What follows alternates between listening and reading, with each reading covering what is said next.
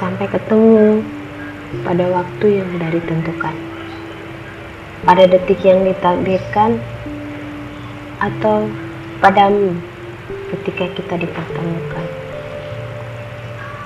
Sampai ketemu pada diri yang berbeda.